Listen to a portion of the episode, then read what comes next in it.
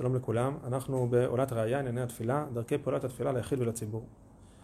אז אומרת הגמרא, אמר רבי חנא בר חנינא, אם ראה אדם שהתפלל ולא נהנה, יחזור ויתפלל, שנאמר, קווה אל השם, חזק מאמץ ליבך, וקווה אל השם. מדובר פה על מצב שאדם לא נהנה בתפילה, ולכאורה הוא אמור להיות מאוכזב, והגמרא אומרת, אל תהיה מאוכזב, תתפלל שוב פעם. בעקבות הדבר הזה הוא מסביר את העומק של המשמעות של התפילה. תכליתה של התפילה, השגת המבוקש שבאה על ידה לגדל כוחות הנפש בציורי קדושה ושלמות ולהוציא שלמותה אל הפועל. זאת אומרת, המטרה של התפילה זה לא מילוי הבקשות. מילוי הבקשות זה תופעת לוואי של התפילה. המטרה של התפילה זה לגדל כוחות הנפש בציורי קדושה ושלמות, להוציא שלמותה אל הפועל. זאת אומרת, הנפש של בן אדם היא מקושרת לעומק של, המת... לעומק של המציאות, מקושרת לאלוהים. הסברנו שלפי הרב קוק, אלוהים זה לא משהו חיצוני שמנהל את המציאות מבחוץ, אלא זה הכרה והפנמה והעמקה בכך שיש למציאות עומק, שיש למציאות עושר אינסופי פנימי, שאנחנו נחשפים רק לחלק מאוד מאוד קטן ממנו, ואנחנו על ידי כוחות האמונה, ההשראה, האינטואיציה, אה, אנחנו חווים חלק מהעומק של המציאות ומתחברים ומפתחים מערכת יחסים יותר אה, אה, רחבה ומלאה עם העומק הזה. וחלק מהמערכת היחסים הזאת והפיתוח הזה זה התפילה, שבה האדם פונה לאלוהים, הוא פונה לעומק של המציאות, ורוצה להופיע בעולם את השלמות האלוהית, את הגודל האלוהי, ובמובן הזה הוא מתחבר לאיזשהו תהליך הרבה יותר כולל ורחב ממנו. אם אדם שרוי באיזושהי תודעה מצומצמת של הפרטיות שלו, ברגע שהוא פונה לאלוהים הוא פונה בעצם לעומק של המציאות, הוא פונה למכלול החיים של המציאות, שילכו ויבטאו את עצמם ויצאו לפועל, ופה הוא מתחבר לתהליך הרבה יותר רחב ממנו והנפש שלו כולה מתרחבת. דרכי הציורים האלה רבים ורחבים ומסתעפים לפרטים רבים שאין להם קץ. בצור האלומים לפניו נגלו כל התעלומות, איזה ציור רוחני מיוחד, ראוי וחסר לכל נפש פרטית שתשתלם בו. זאת אומרת, פה יש פה עניין של השגחה פרטית אה, ותפיסה מאוד מאוד עמוקה וחשובה, שהאדם מבין שהמטרה שלו בעולם זה קודם כל לתקן את התודעה שלו, לתקן את הרצון שלו, לתקן את הנפש שלו, ותיקון התודעה זה עיקר החיים. בעקבות תיקון התודעה באים שאר השלמויות אל הפועל. זה נכון במובן הפרטי של האדם, זה נכון במובן הלאומי והאנושי הכללי. העיקר זה תיקון התודעה. והמציאות כולה היא שרויה בתהליך של תיקון התודעה, שבעקבותיו יבוא הופעת חיים לעולם ותיקון ושפע כללי לעולם, והדבר הזה הוא הולך ונוצר על ידי אה, אה, אה, ציורים רוחניים שהנפש צריכה לצייר לעצמה, וככל שהנפש מציירת לעצמה ציורים רוחניים מסוימים, ככה זה מתקן בה את התודעה, וחלק מזה זה הצרכים והמצוקות והתפילה. כשאדם מתפלל ופונה אל השם, הוא מתקן חלקים באישיות שלו. כשאדם מבקש רפואה, הוא מתקן חלק מסוים. וכשאדם מבקש אה, פרנסה, הוא מבקש, הוא מתקן חלק אחר, או זיווג. והקדוש ברוך הוא, העומק של המציאות, והמציאות כולה, מזמנת לאדם צרכים שמבטאים, שיחוללו בתוכו את אותו תיקון תודעתי, נקודתי, מדויק, שצריך כרגע להתבצע, וכשהאדם מתקן את הנקודה הזאת, התודעתית הזאת, בעצם במובן הזה הוא השלים את הצורך של אותו דבר, אה, וכפי שאנחנו רואים בהמשך, אז באופן כללי הדבר הזה כבר, הצורך הזה נעלם, אה, והוא נמצא ככל שאדם צריך עדיין לתקן את אותה נקודה.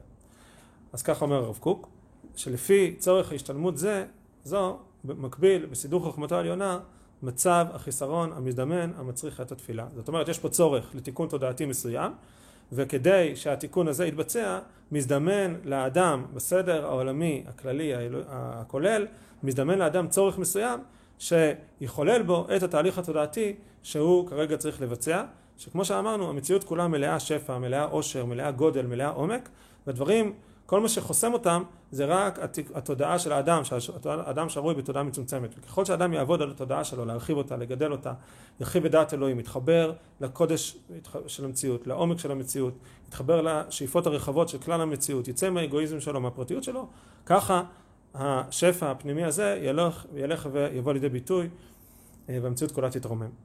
ולפעמים תתאחר התקבלות התפילה, כפי מה שלא הספיק אותו הציור הרוחני הדרוש להשתלם כראוי בכל עומקו, בנפש ובכל גווניו, עד שיהיה נשנה ונכפל כמה פעמים. זאת אומרת, כאשר התפילה לא נענית, זאת אומרת שהצורך הזה עדיין קיים, זאת אומרת שהתיקון התודעתי שאותו צורך מחולל באדם עדיין לא נשלם, ואדם צריך עדיין לתקן משהו בתודעה שלו.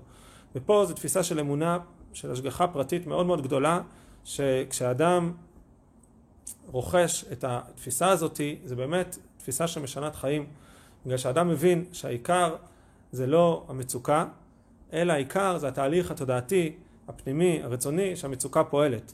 והוא מבין שגם אם המצוקה לא נתרפאה, אם הוא עושה את התהליך התודעתי הפנימי, הוא בעצם עושה את מה שהוא צריך. הוא מבחינתו יכול להיות שמח, יכול להיות מאושר, ויכול לחוש בסיפוק שהוא עשה את מה שצריך. הוא תיקן את התודעה שלו בהתאם לצורך הזה שהתעורר כרגע במציאות, בחיים שלו, והוא עשה את מה שצריך, ואם זה לא עזר אז יעשה את זה עוד פעם ועוד פעם, ובסופו של דבר העבודה של האדם זה התיקון התודעתי הפנימי, ושם הוא באמת יכול להתקדם ולהתפתח.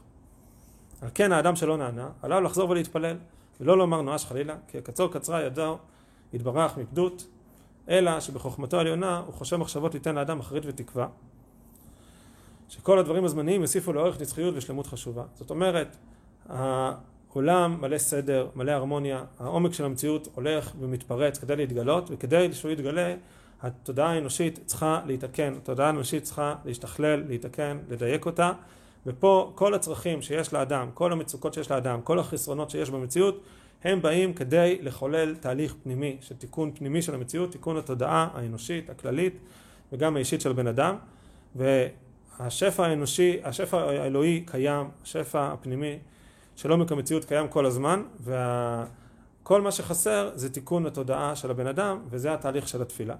והנה כך היא עמידה באדם כשהוא עושה פעולות ואינו בא בהן למטרתו מתחלש לבבו. זאת אומרת באופן טבעי כשאדם לא מצליח לתקן איזשהו חיסרון אז הוא מתאכזב ומתייאש ונעצב אבל כשיודע שכל פעולה תקרבו למטרתו אלא שלפי רוממות המטרה צריך ריבוי פעולות לבוא מתאמץ להוסיף בעבודתו. כשהוא מבין שעיקר זה תהליך התודעתי ותהליך התודעתי הזה עוזר ופועל והוא כל שנייה שהוא עכשיו שרוי במצוקה ומתפלל להשם ומתפלל אה, ומנסה להתקרב לעומק של המציאות ומנסה להתקרב לגודל של המציאות ומנסה להתחבר למוסריות ולתפיסה ול, הכללית של, ה, של השלמות של, של כלל המציאות ולרצון שלו שלהכל יהיה טוב והכל יהיה שלם והכל יתפתח והכל יפרח ממילא הוא עכשיו מתקן את התודעה שלו, התודעה שלו עכשיו יותר טובה, והוא עכשיו מתקרב למטרתו, הוא עכשיו מתקרב למטרה של תיקון התודעה, שזה עיקר העניין, ולכן הוא חש סיפוק וחש שמחה וחש עושר, ונכון שהמצוקה המעשית עדיין לא התרפאה, אבל הוא כרגע בתהליך של התרוממות, הוא כרגע בתהליך של התגדלות, ולכן הסיפוק הפנימי הרבה יותר גדול. ועל כן אמר קווה אל השם, התקווה היא בעצמה מידת השלמות, יסוד התקווה הוא מעלת השלמות הראוי להמשיך מכישרון הפעולות הקודמות לה. זאת אומרת, העיקר זה קווה אל השם, שמה עיקר התהליך, שמה עיקר העניין, קווה אל השם, לחזק את התקווה. לחזק את הקשר לעומק של המציאות.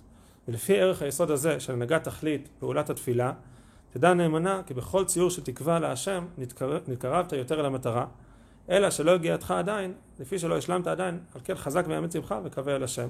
זאת אומרת, גם כשאדם לא נענה בתפילה שלו, הוא צריך להבין שיש פה איזשהו תיקון תודעתי, רצוני, מנטלי, עמוק, שעדיין לא התבצע לחלוטין, והוא ממשיך בתהליך, ממשיך לבצע אותו, אבל לא מתוך ייאוש, לא מתוך אכזבה, אלא דווקא הפוך, מתוך שמחה ומתוך תחושה שהנה, אני ממשיך את העבודה, אני ממשיך לתקן, אני ממשיך לעבוד על התודעה שלי, על הנפש שלי, על דת אלוהים שלי, על קרבת אלוהים שלי, ואני יודע שעשיתי את מה שצריך, עשיתי את התהליך הנכון. זה שיש פה מצוקה, בסדר, גם חלק מזה לא תלוי בי, וגם חלק מזה זה כנראה עוד דברים ועוד תהליכים שצריכים להתחולל במציאות, ואני נמצא ב, ב, בדרך הנכונה, אני נמצא בכיוון הנכון, אני מתקן את התודעה שלי, אני מתקן את הרצון שלי, אני שומר על שמחה, אני שומר על אמונה, אני שומר על דעת אלוהים, שומר על חיבור לעומק של המציאות, על החיבור לתהליך הכולל, על החיבור למוסריות, לאכפתיות, להכל. אני לא מתכנס בתוך עצמי, אלא אני יוצא מעצמי לטוב של הכל, לטוב האלוהי הכולל העולמי. וככה אני, אה, אה, גם כשיש מצוקה, אני עדיין שרוי בשמחה, עדיין שרוי בתקווה, עדיין שרוי באמונה, ואני אה, עושה את התהליך שצריך להיעשות. יופי, אז נעצור פה ונתקדם לפסקאות הבאות.